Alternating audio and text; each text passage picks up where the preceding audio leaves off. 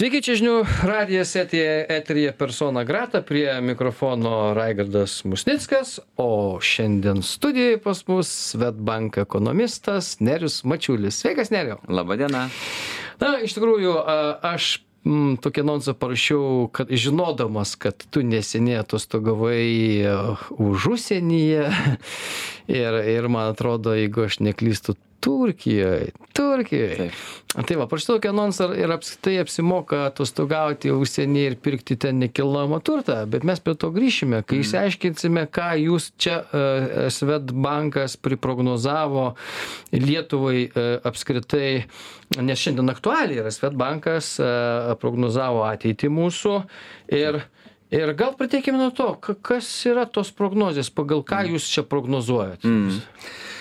Jo, tai čia yra turbūt labai geras klausimas, nes vat, kai aš dažnai bendrauju, pavyzdžiui, su banko klientais, įmonėmis, tai jiems nėra taip įdomu tikslus skaičius, ar mes ten prognozuojam BVP plus, bus pus, pus, plus pusę procento ar minus pusę procento. Čia daugelis to gyventojų ir įmonių nepamato, nes BVP šiaip jau yra labai prastas toks sintetinis rodiklis, į kurį ten viskas sukrenta ir klaidos, ir paklaidos, ir, ir jisai rodo viską tuo pačiu metu ir, ir nieko tuo pačiu metu. Tai labai dažnai yra įdomu įmonėms ar investuotojams, kurie planuoja savo ilgalaikės investicijas, prielaidos, kuriomis remiantis atsiranda tos prognozės. Mm. Vienoks ar kitoks BVP skaičius, ar, ar, ar infliacijos rodiklis, ar nedarbo, ar atlyginimo augimo. Nes m, turbūt akivaizdu, kad nėra jokio modelio. Aišku, kad mes turime modelius, kurių ten pagalba su istoriniais duomenimis bandome prognozuoti artimiausią ateitį, bet nėra jokio normalaus modelio, į kurį neįeitų prielaidos. Tai yra prielaidos, tu turi, na, pasakyti, kas bus nežinodamas, kas bus, ar ne? Mhm. Mes nežinom, kiek Europos centrinis bankas pakels palūko normas, bet mes turime apsirašyti labiausiai tikėtiną scenarių, turėdami tą informaciją, kurią mes dabar turime. Ir turbūt šitoje vietoje labai svarbu Nu, pasakyti, neturite jūs draugų Lietuvos bankė, kurie žino, kiek centrinis bankas. jie, jie negali pasakyti ir Jie jie patys pasakyt, nežino. bet- Ir, ir šiaip jie patys nežino ir Kristin Lagarde pati nežino, kiek pakels palūko normas. Kiekvieną kartą sako, žiūrėsim, kas bus. Nes dabar ba balansuoja eurozona ant tos ribos, kur šiuo metu liktais dar problema infliacija, bet jau tuoj, tuoj netrukus bus problema recesija ir nedarbo lygio didėjimas. Tada turės pakeisti greitai plokštelę, nustoti didinti palūko normas ir, ir galvoti apie tai, kada jas reikės pradėti mažinti. Tai... O centrinis bankas Europos jisai toks, a, kaip sakyt, buhalterija tokia, kad jie taip, nu, vat kaip buhalteriai, ar ne, pakelia ir žiūri, kas bus. Tam tikrą prasme taip. žiūrim, kas bus. Tai, nu- O kai jau visi ten pradeda ieškoti krienų žemėje, ką nors užkasti ar rūkštinių sriubą virti, tada mes, nu, nuleiskim, biški persistengiam. O tai gal kitaip reikėtų biškeltis? Gal reikėtų elgtis kitaip, bet nėra gerų tokių pavyzdžių ir, ir šiaip jau čia tu labai įdomią tokią užkabinai temą, nes dabar labai daug susilaukia kritikos centriniai bankai, bet jeigu mes pažiūrėtumėm visus praeities ciklus, nuolat ant to paties greblio lipa, lipa ir čia yra tokia problema, kad centrinių bankų politika, tiek palūkanų normų kelimas, tiek pinigų pasiūlos reguliavimas, kiek ten to, kokio dydžio turi centrinis bankas balansą, kiek prisipirkęs vertybinių popierių ir kiek išleidžia eurų mm. apyvartą veikia realią ekonomiką, tai yra tavo ir mano sprendimus vartoti, atostogauti ar Turkijoje, ar, ar Abu Dabyje, ar, ar, ar Karibų jūros regione, su labai dideliu vėlavimu. Tol, kol pakeltos palūko normos paveikia žmonių sprendimą pirkti būstą, investuoti ar taupyti ar netaupyti, praeina įvairiai nuo metų iki pusantrų metų gali praeiti. Ir va dabar jau metus laiko ir JAV centrinis bankas, ir Europos centrinis bankas laužia, kelia palūko normas tokiais tempais, kokiais niekada nėra kėlę. Nu, nieks nelūšta, truputėlį sulūžo keli bankai, bet ap apglaistė, pinigų pasiūlą vėl padidino truputėlį, galim toliau spausti. Ir, ir čia yra iš tiesų didžiulė problema, kad nuolat žiūrėdami į praeitį centriniai bankai persistengia. Ir į vieną pusę, ir į kitą pusę. Persistengia per pandemiją, mažindami palūkanas ir dalindami pinigus tas prisidėjo prie infliacijos, dabar persistengia taisydami savo klaidas, sukels tikėtiną recesiją, ką mes ir prognozuojame, ir tuomet jau vėl kitais metais taisys tas klaidas, a, mažindami palūko O normas. neriu, va tas persistengimas mane domina iš tikrųjų.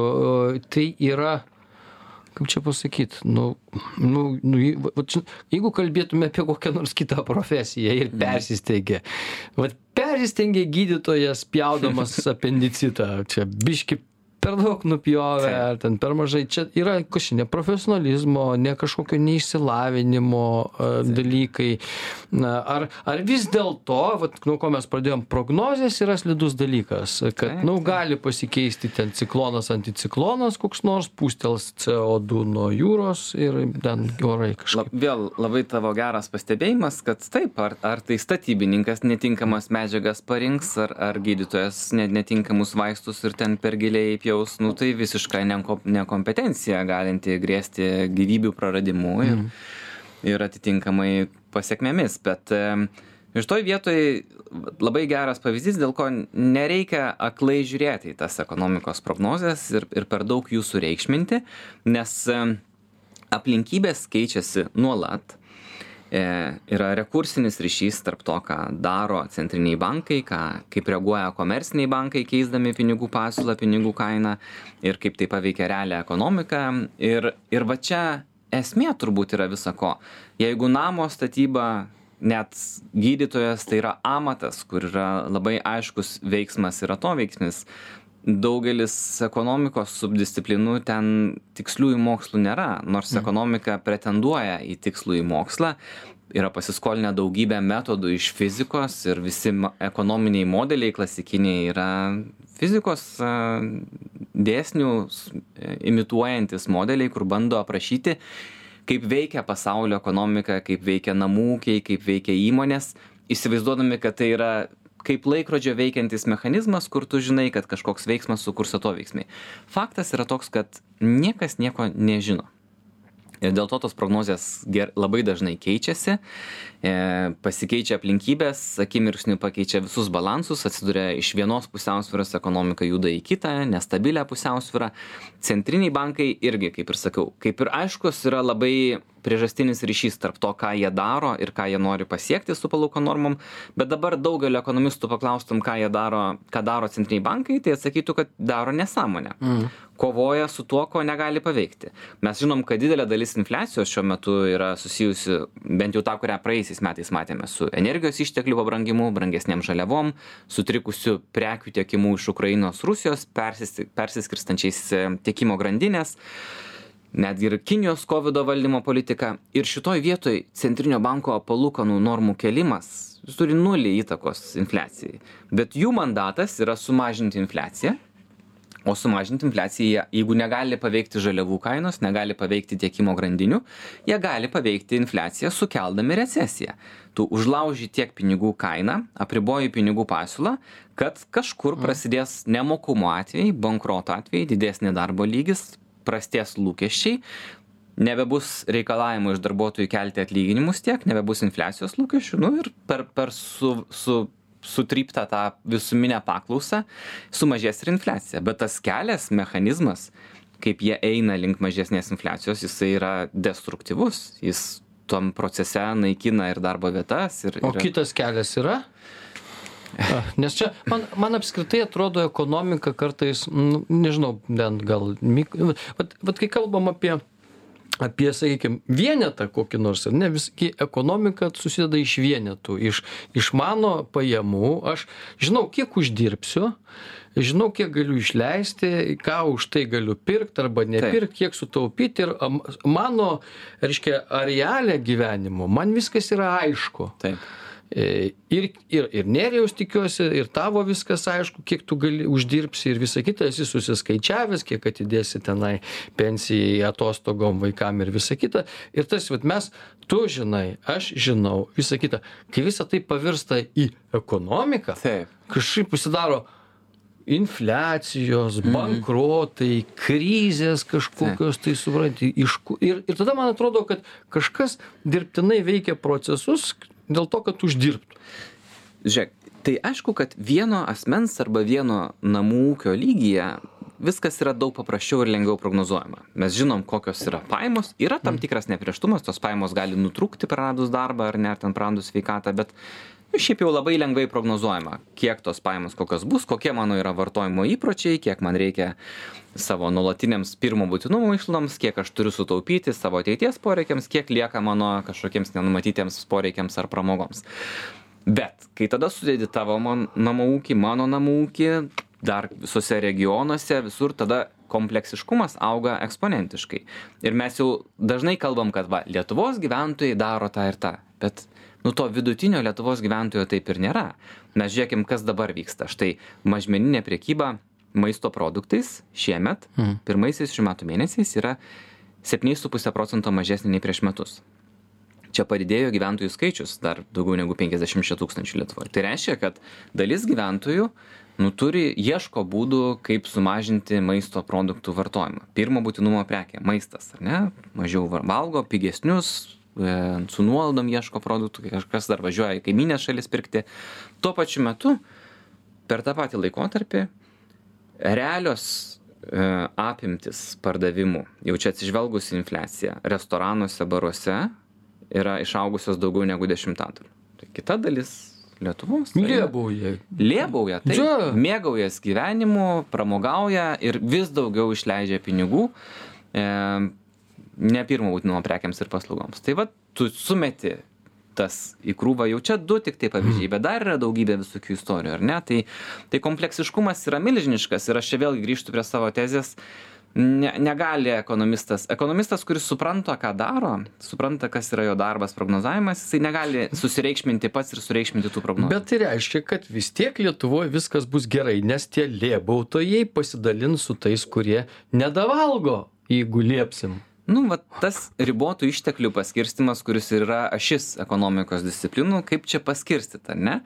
Nu, nuolatinė gi tema, net ir dabartinė ta mokesčių reforma svarstymas irgi yra apie ką yra kalba. Ne kad kažkam padidinti ten mokesčius o kažkaip padidinti perskirstymą sprendimas yra kad kažkas galbūt nepakankamai susimeta į bendrą katilą. Tai vat šitus išrenkam tas tas tas tas ar ne gaunantys tokias pajamas taip legalizuojantys savo veiklą ir siūlo kad jie dabar susimestų daugiau į bendrą katilą kur iš to mes jau ten žiūrėsime ar ten didinti neapmokestinamą pajamų dydį ką sako vyriausybė ar ten didinti mokytojų ar gydytojų atlyginimus. Tai nuolatinis procesas balansuoti. Nes yra bendras bvp augimas kaip ir sakau jisai pasako kaip vienu metu ir viską bet ir nieko nepasako ar ne? Tame skaičiuje yra ir tų kurie nori pirkti gal jau pasibaigusio galiojančio maisto produktus kas dabar svarstoma ar ne kuriems jau yra prie ne nu neturi geresnių alternatyvų. Kiti štai gali sau leisti valgyti dienos pietus už trisdešimt eurų ar ne tai Nu, vat tas leisti, čia dar atskira kalba apie tai gali sau leisti, dėl to, kad jie gal gi nepavogė iš mūsų su tavim pinigų, jie tiesiog užsidirbo ir todėl gali leisti, dirbo nuo ryto iki vakaro kaip juodas jautis ir, ir dabar, nu, savo gali leisti. Nereikia jiems pavydėti dėl to, o visi ten kiti sakys, o tai jie gerai ten gyvena, bet tai jau ką dabar. Gerai, trumpą pertrauką padarom, po pertraukos pratęsim. Tęsime personą gratą Nerius Mačiulis, Svetbank e, vyriausias ekonomistas. Šiandien pas mus laidoje mes e, pradėjome nuo ekonominių prognozių, kurias kaip tik šiandien pateikė Svetbankas. Beje, išsiaiškinkim su tom prognozėm. Tai gyvenimas negerės, ar kaip čia reikia suprasti, dėl to, kad šiemet smuks e, BVP e, 0,3 procento ir tai reiškia, kad ką? Ir va čia vat geras pavyzdys, vėlgi aš trypsiu tą BVP. Aš kažkada savo kolegom siūliau, davai sakom, sakau, neskelbkim BVP prognozės, nes jinai turi daugybę trūkumų. Čia vėl mes galėtume atskirą valandą kalbėti. Mes, kai prognozuojame, tai vėlgi čia yra mūsų, žinai, grupė žmonių, tai nėra vien mano kažkokios tai prielaidos, vien mano išvalgos.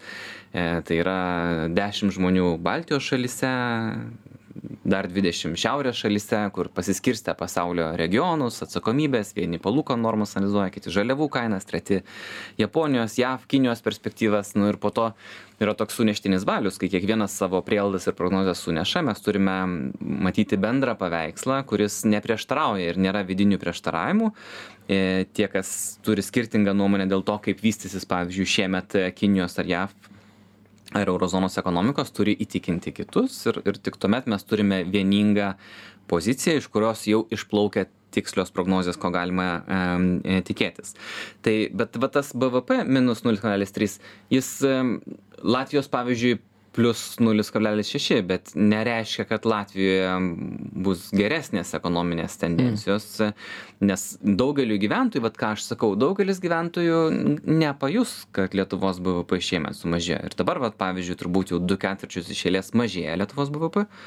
Daugelis to nejaučia, jiems tai nėra svarbu. Jiems svarbu yra, ar jie turi darbą ar ne kiek didėja atlyginimas, ar tas atlyginimų augimas viršyje kainų augimą ar ne. Va čia trys pagrindiniai rodikliai, kurie yra svarbus. Ir šiuo metu. O pajustų kada? Jeigu būtų minus 15, pajustų. Bet būtent. E, ir recesija nėra krizė. Tas irgi yra labai svarbu, nes recesija tai yra tiesiog ne, sumažėjimas agreguoto ekonominio aktyvumo, kur gali būti labai lokalizuota, kaip ir dabar yra. Dalis pramonės įmonių stambių, jų pridėtinė vertė sumažėja, naftos perdimas, trašų gamyba, tos, kurios tiesiogiai susijęs su energetikos išteklių kaštais, šiek tiek mažiau baldų, medienos, metalų gaminama. Tai yra lokalizuotos problemos. Žiūrėkim visur kitur. Organizuotojai kelionių į Turkijas per dieną išleidžia šešis lėktuvus pilnus, ar ne? Mm. Tai čia tik vieni į Antaliją, dar visokius Egiptus pridėkime. Tai, tai to organizuotojai kelionių ne, nemato čia jokios krizės. Ir, ir šitoj vietoj ar blogiau gyvensime, nedarbo lygis taip šiek tiek mes prognozuojam padidės tai reiškias kad dalis darbuotojų gali prarasti darbą bet nebūtinai na ilgam jie gali surast turbūt kitose vietose nes dar dalis įmonių sako kad trūksta darbuotojų vidutinis darbo užmokestis didėja beveik penkiolika procentų šių metų pradžioje tai irgi ir kiekvienas paklaustų kur kur kur Tai, tai va. 15 procentų, jeigu vidutinę algą gauni, tai čia turėtų maždaug padidėti 200 eurų gal kažkur tai. Kur? Taip, taip. Ir, ir va kaip paklaus, ir vėl sakys, ai. Taip sako tada daug kas, kad čia nežinau, kam didėja, bet šiaip jau žiūrint į mm. sodros duomenis, skirstinius, kam didėja, tai, nu, tai beveik visiems ir didėja. Ir, ir jeigu kažkam nedidėja, tai va tas žmogus turėtų klausti ne ekonomistų, kodėl mm. nedidėja, o, o savo darbdavio kodėl jam nepadidėjo. Spaudimo priemonė galėtų būti šitas jūsų prognozės, tai, tai, ar ne, ateiti pas tai čia tikrai. Mes žiūrime įvairius skirstinius ir tikrai ten ir minimalų atlyginimą gaunantiems padėjo 15 procentų ir pirmam kvartiliui, ketvirtadaliui mažiausiai dirbantiems, uždirbantiems irgi daugiau negu vidutinis atlyginimas didėjo. Tai tai čia pavieniai pavyzdžiai turbūt gali būt tokių įmonių kurios jau susiduria su tam tikrais iššūkiais ir nebeturi išteklių kaip kelti atlyginimus bet bet tokių tai yra tikrai pavieniai pavyzdžiai. Bet šiaip aš žiūriu čia kiek aš beprisimenu tas prognozes. Dešim metų kokių nežinau nerijau gal tu čia pataisysi bet nu man atrodo tas e, atlyginimų didėjimas yra vis po dešim procentų Taip. vis po dešim procentų šešis metus iš eilės taip. Tai jau mes turėjom jau reiškia padvigubint savo algas iš principo per dešim metų šimtas procentų ir taip toliau. Ar tikrai? Tai taip ir yra taip jos dabar bruto darbo užmokestis net nesvarbu galim žiūrėt neto nes čia įvyko ta reforma kuri pakeitė kas yra bruto bet bet neto darbo užmokestis į rankas tai ką gauna žmogus e, per dešimtmetį padvigubėjo padvigubėjo daugiau net negu padvigubėjo. O visi tie virsmai iš e, lito į eurą jie ten sugadino reikalą visą ar ne sakykim tą dvigubėjimą algos nes jeigu ten būtume litai ir ir ten tos visos perkamosios galios kurios e, iš esmės e, kaip nes nu galima padvigubint algą bet bet galima nieko nenusipirkt. Nu dešim procentų padidėjo alga dvidešim procentų infliacija ir ir sakai nieko. taip bet kainos nepadidėjo tiek kiek padidėjo atlyginimai prisijungimas prie euro zonos ten kai kurių paslaugų ir ir prekių kainas pakėlė sparčiau negu jos būtų kilę bet šiaip jau ten vidutinis kainų lygis e, didėjo labai kukliai kiekvienais pažiūrėt pavyzdžiui nuo penkioliktų metų kiekvienais metais infliacija buvo apie tris procentus siekė atlyginimų augimas aštuoni dešim procentų tai kiekvienais metais perkamoji galia didžiosios dalies darbuotojų didėjo gana ženkliai išimtis buvo du tūkstančiai dvidešim antri metai kuomet atlyginimų augimas buvo mm. įspūdingas apie trylika procentų bet e, kainų augimas dar įspūdingesnis. gerai trumpą pertrauką padarom po pertraukos pratęsim.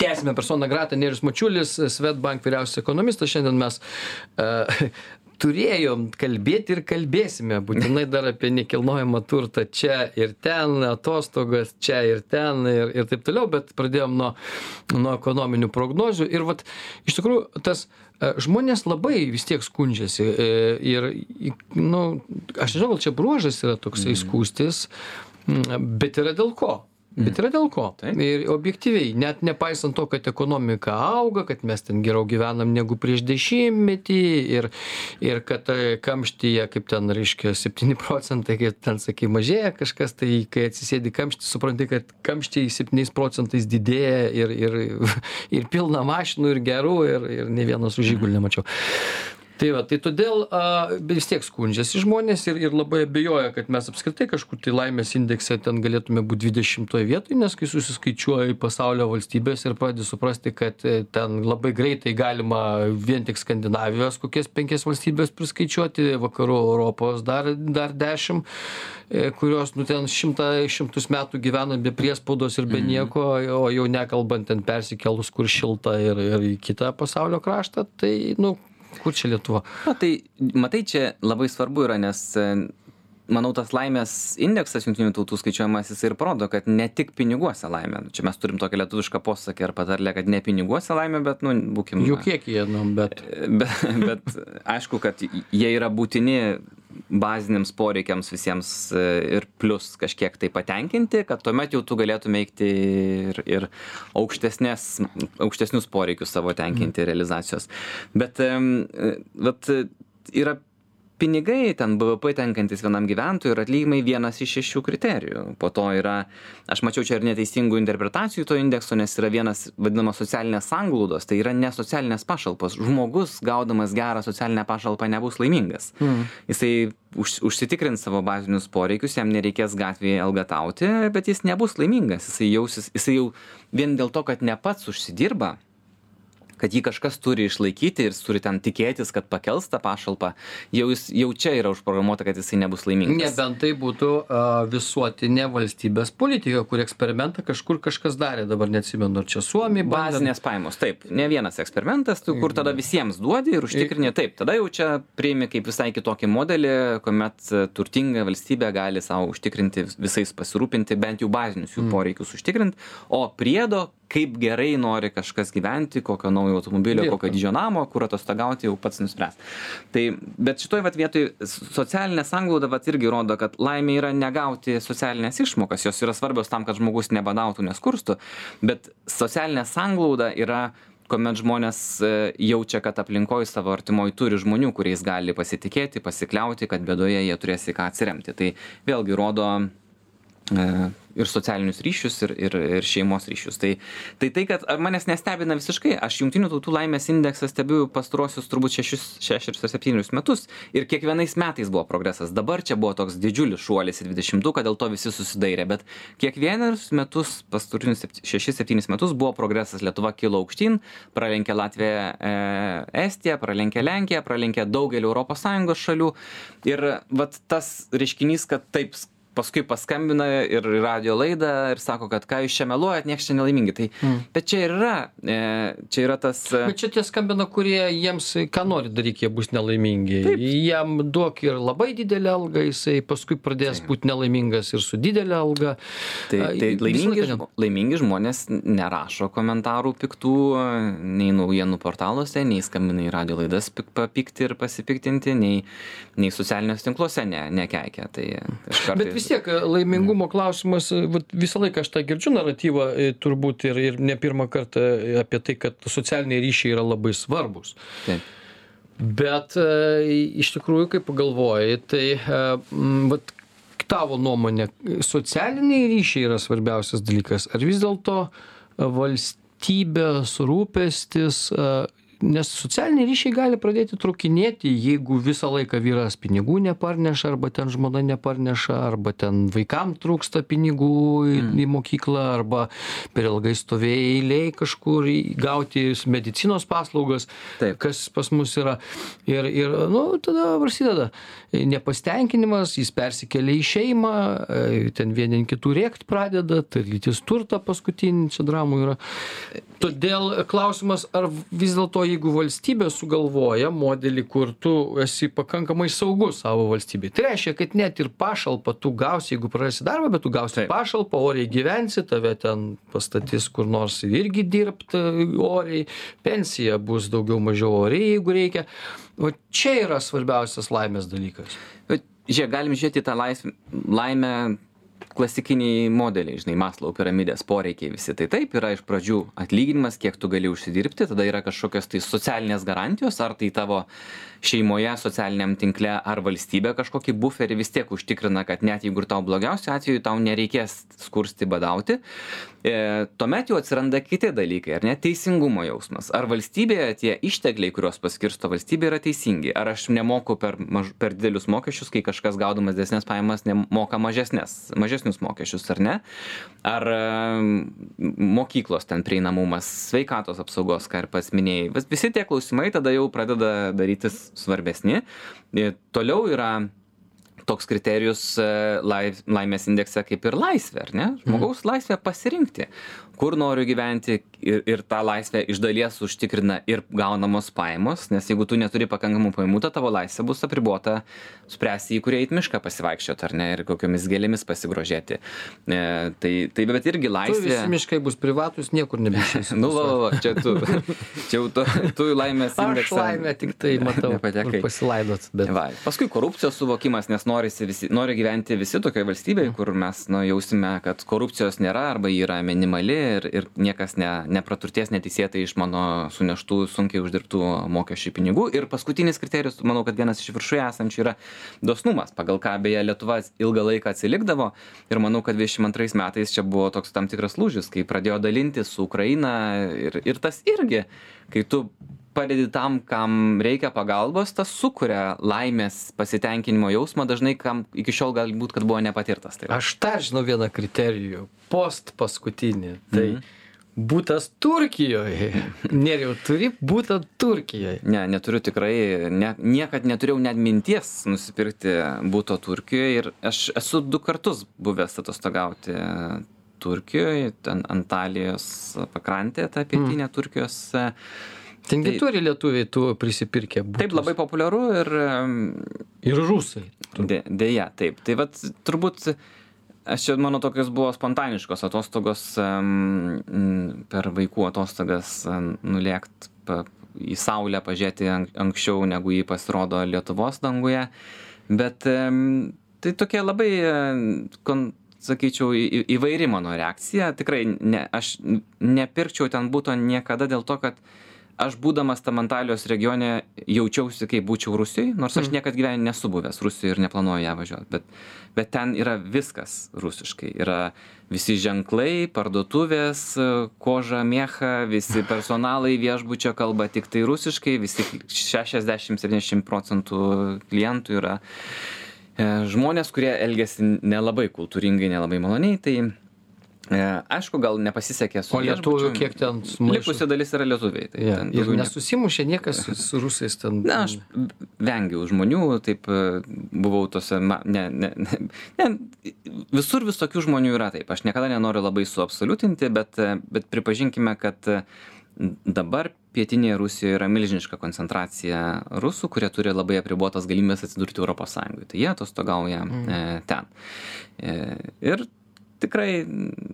Bet čia dėl, tu nepirktum dėl to, kad, nu, suprantu, rusai ir, ir apskritai jų kultūra yra gyvenimo tokia, kad, nu, net, net ir jeigu tu neturi sąlyčio su jais, vien tik tai žiūrėti, kaip jie elgesi ten jau Mm. Ir Lietuvos kai kuriuose pležuose gali rasti aplink Vilnių, kur suvažiuoja ten Taip. su e, antros klasės kartos golfais, iš jų išlipa aštuoni plikė ir, ir pasileidžia garsiai muziką. Tai aš dėl to nenoriu čia labai sėti prie tautybės, yra, yra ir lietuvių, principo, ir latvių. Turėt vis, vis tiek lietuviai masto dabar, ką čia daryti, mm -hmm. netgi koks vat, Seimo narys Žemaitaitis, matau, nuvažiavo į Ispaniją, jisai ten iš ten e, siunčia, čia rodė per kažkurią laidą, kaip jisai siunčia nuotraukas ispanijoj pigu ten gali kalmarą nusipirkt dvigubai pigiau negu lietuvoj visokių ten dalykų ir taip toliau. Ir ir iš tikrųjų ir oras garantuotas ko kodėl ne aš manau kad daugiau lietuvių turbūt dairosi ispaniją kiprą nors nežinau ne nemačiau tokios agreguotos statistikos kad jau taip matyčiau į į kur daugiausiai lietuviai yra investavę. e, bet aš tada atsakysiu dar kitaip į tavo klausimą dar plačiau. Aš niekad taip rimtai nesvarsčiau apskritai pirkti nekilnojamo turto ne lietuvoje. Ir ir net nesvarsčiau pirkti antro būsto tai yra vat kažkokio Mm. lais gal kažkuriam gyvenimo etape buvo tokių pasvarstymų bet dabar to nedarau kad vat turiu butą kuriame gyvenu čia vilniuje man jo čia reikia nes aš čia dirbu mano šeima čia vaikai visas. Tai yra pirmo būtinumo prekė. Bet em, niekad nesvarsčiau kad vat gal reikėtų į lietuvos pajūryje čia būstą ar prie ežero Lietuvos pajūris smarkiai pervertintas nekilnojamo turto prasme. šiuo metu panašu į tai, nes nusipirkti Kosta Bravoje ar Tenerifei turbūt pan, panašiai kainuoja kaip ir Lietuvos pajūrėje. Tai e, aišku, čia iš pandemijos metu labai išpopuliarėjo, nes skrydžių nebuvo, o, o tai vat, buvo gera alternatyva, sėdi automobilį ir atsiduri pajūrėje. Bet aišku, mes visi žinom, kokie yra Lietuvos pajūrio trūkumai. Vienas iš turbūt pagrindinių ir svarbiausių yra tai, kad e, yra labai trumpas sezonas, ar ne? Tai, tai, tai mm, aišku, kažkas gali mėgautis Lietuvos pajūriu ir žiemą, bet... e, Bet, Bet- investicija, nu gerai, o, o kaip investicija? Bet Nu, aš kaip investicija. Tai vad aš pasakysiu, žiūrėk, aš kaip vertinu investiciją, yra, yra trijų rūšių būsto pirkėjai, kurie perka antrą būstą ne Lietuvoje, tarkim, arba, nu, galim čia įtraukti ir Lietuvos pajūrį. Viena ta rūšis tai tokia, kurie gali leisti savo atostogauti 2-3 mėnesius per metus ir gyventi ne Vilniuje ar ne Kaune, ar ne? Ir tada gali su visa šeima arba ten palieka vaikus mokytis, jeigu jau užaugia vaikai, jie gali praleisti, pavyzdžiui, žiemą Tenerifei. O tai čia yra tokia dalis investuotojų, kurie ten neskaičiuoja investicinės gražos, jiems reikia turėti nuosavą būstą, kurie nori žiemą praleisti šiltame kažkokiame krašte, ar ne? Arba gali sauliaisti kas dvi savaitės ten važiuoti. Yra kita rušis, kuri nusiperka, kita grupė investuotojų į antrą būstą, kurie nusiperka, neplanuoja ten, gal, gal savaitę, gal dvi savaitės per metus ten praleis, bet akivaizdu, kad tai niekaip jiems neatsipirks. E, Bet tada jie planuoja susirasti kažkokį operatorių, kuris mm. išnuomos tą jų būstą. Na Ir paskelbs nuomos. Ir... Tai bet jie turi suskaičiuoti, kiek savaičių per metus bus užimtas tas būstas, išnuomotas, ar 20, ar 30, ar 40, priklausomai nuo valstybės ir nuo, nuo vietos. Ir kokią jis gaus gražą. Jeigu ta graža bus to būsto 7-8 procentai kainos per metus, nu, tai jau yra normali nuomos graža. Ne, jeigu jisai kainavo 100 tūkstančių, tarkim, tas butelis kažkoks, susirenka 8 tūkstančius eurų iš nuomos per metus, 8 procentai graža jau yra kažkas tokio padaraus, ką galima svarstyti, ypač jeigu dar tame tu įskaičiuoji ir tai, kad pats galėsi kelias savaitės tame būte atostogauti. Bet jeigu tik perki tik tai savo ir planuoji ten būti mėnesį, nu tai tokio, tada tau yra daug pigiau išsinuomoti. Ir aš dėl to e, visuomet atvažiuoju atostogauti ir nuomojasi būstą. Ir iš dalies ir dėl to, kad aš noriu keisti atostogų vietą ir pamatyti įvairesnės pasaulio vietas. Iš dalies dėl to, kad e, man yra visiškai pigiau, vienreikšmiškai pigiau negu, e, negu įsigyti tą būstą. Tai, tai nuomos graža yra ne, ne, nepakankama.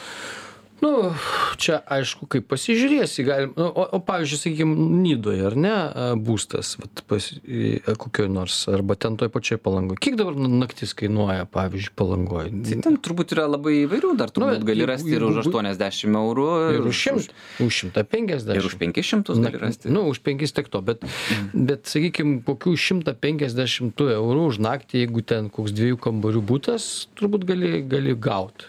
Taip. Nu, tai čia, aišku, žiūrim mes į, į, kok, į, į, į, į lietuvišką kurortą. Tai jeigu per dieną 150, tai per e, ten, na, kiek čia per, per, per, per 10 dienų pusantro tūkstančio, per 100 dienų, kitaip sakant, per vasarą 15 tūkstančių. Čia nebloga graža yra. Tai graža, jeigu žinosi, kiek už tą būtą mokėjai. Jeigu tu mokėjai už tą būtą 200 tūkstančių eurų, kas tikėtina, jeigu dabar mm. pastaruoju metu pirktas, tai ta graža, va ir yra 7-8 procentai. Ar čia, nu, jinai yra pakenčiama, bet tokią gražą gali gauti su daug mažesnėm pastangom. Čia Pavyzdžiui. sutelktinio finansavimo platformos, nu, ten, žinai, net ir gali įmonių gana patikimų obligacijas nusipirkti už tokią septyni aštuoni procentai. Tau nereikės nei nuoma rūpintis nei tapetų perklijavimu nei ten sudaužytais baldais niekuo žinai. Tai yra didžiulis darbas mano supratimu nusipirkti butą ir rūpintis jo išnuomavimu. O čia nėra, nu, nežinau, mesgi labai lietai viską, nu, ką daryti.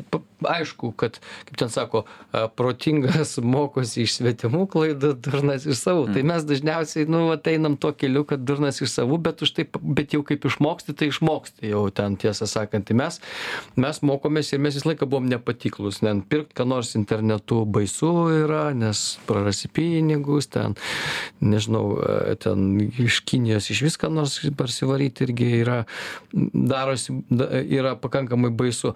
E, tai lygiai taip pat ir, vat, e, aš suprantu, yra sutaltinio finansavimo platformos, pakankamai garsios ir, ir ten, iš tikrųjų, bet, bet žmogus, kuris, mes čia yra problema netgi ne, ne švietimo ekonominio, nes apie jas mes žinom, žinom, kas yra akcija, kas yra obligacija, kas yra sutaltinio finansavimo platformos, bet žmonės kažkaip nežinau labai atsargiai tą daro ar ar kaip ką ką rodo tau duomenys tai, kodėl taip tai taip lietuvoj yra finansinis raštingumas yra labai mažas tai žiūrėkime tai taip ten yra didesnė rizika ten skolini kažkokiam asmeniui kuris gali nesugrąžint ar ne gali draustis kad nesugrąžins nuo to bet irgi priklauso nuo to ar grįžta tau pinigai nuo to ar ta įmonė ta platforma jinai išgyvens.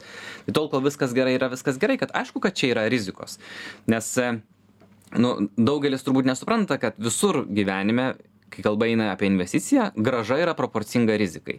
Tau niekas negali pasiūlyti trisdešim procentų metinės grąžos ir pasakyt kad čia oi mi rizika yra minimali. Tiktai sukčius taip gali pasakyti. Mhm.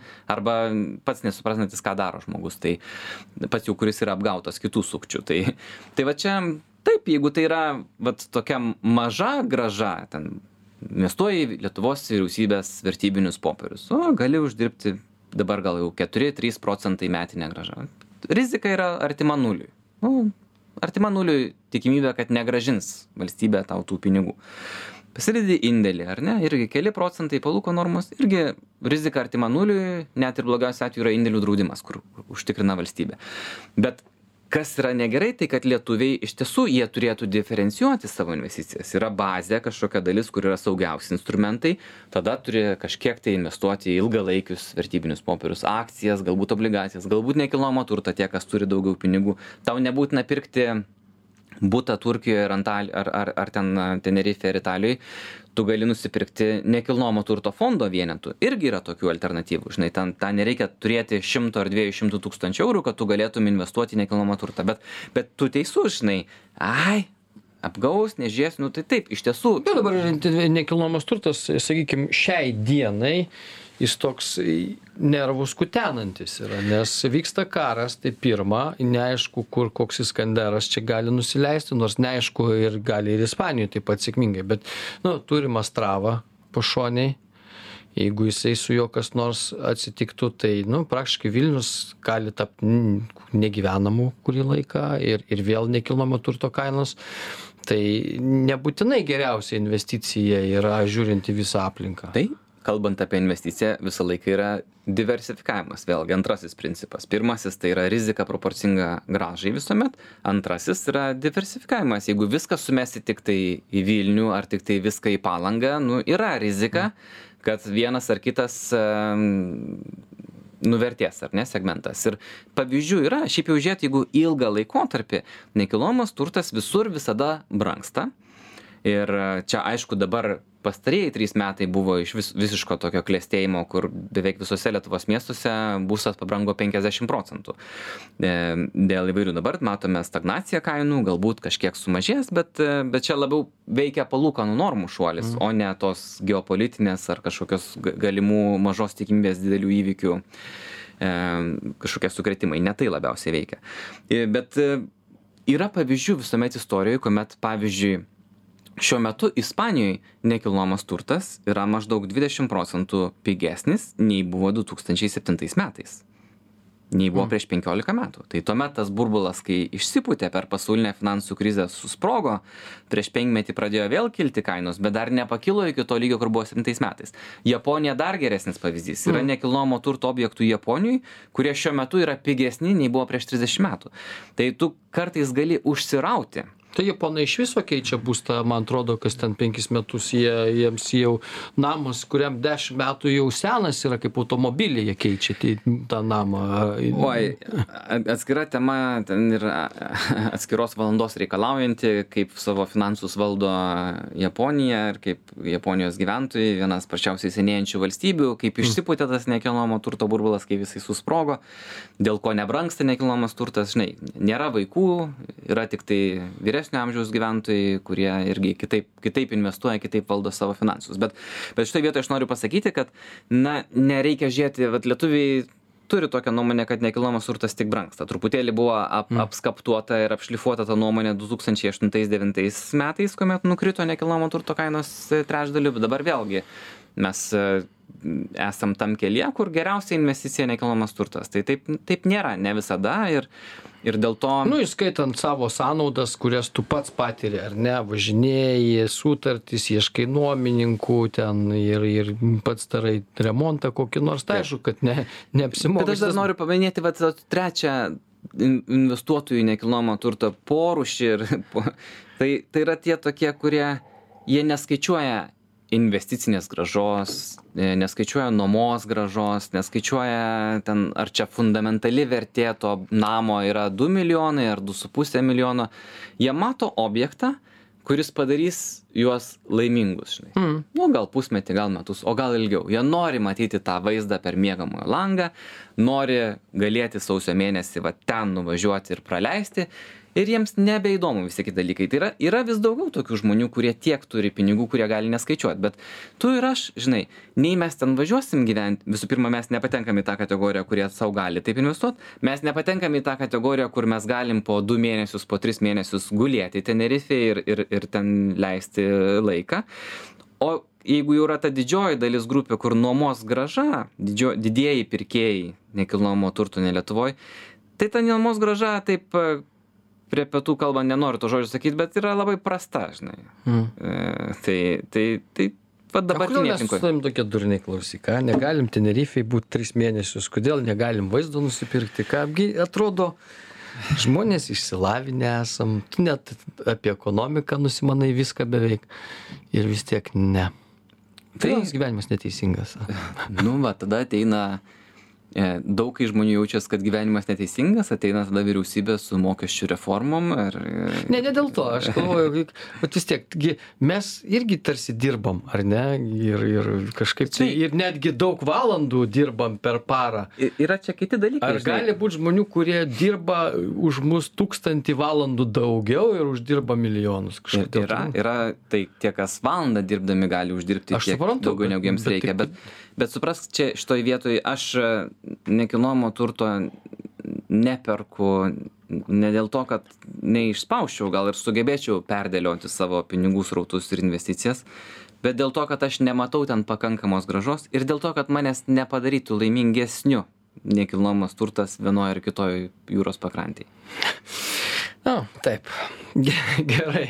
Dar čia mes galime ilgai neriau tęsti, e, e, bet e, baigėsi laikas. Ačiū, Nerius Mačiulis, Svetbank ekonomistas, šiandien buvo mūsų laidoje. Ačiū, Neriu, kad atėjai. Visą laiką smagu tave matyti. Iki kitų kartų. Ačiū iki.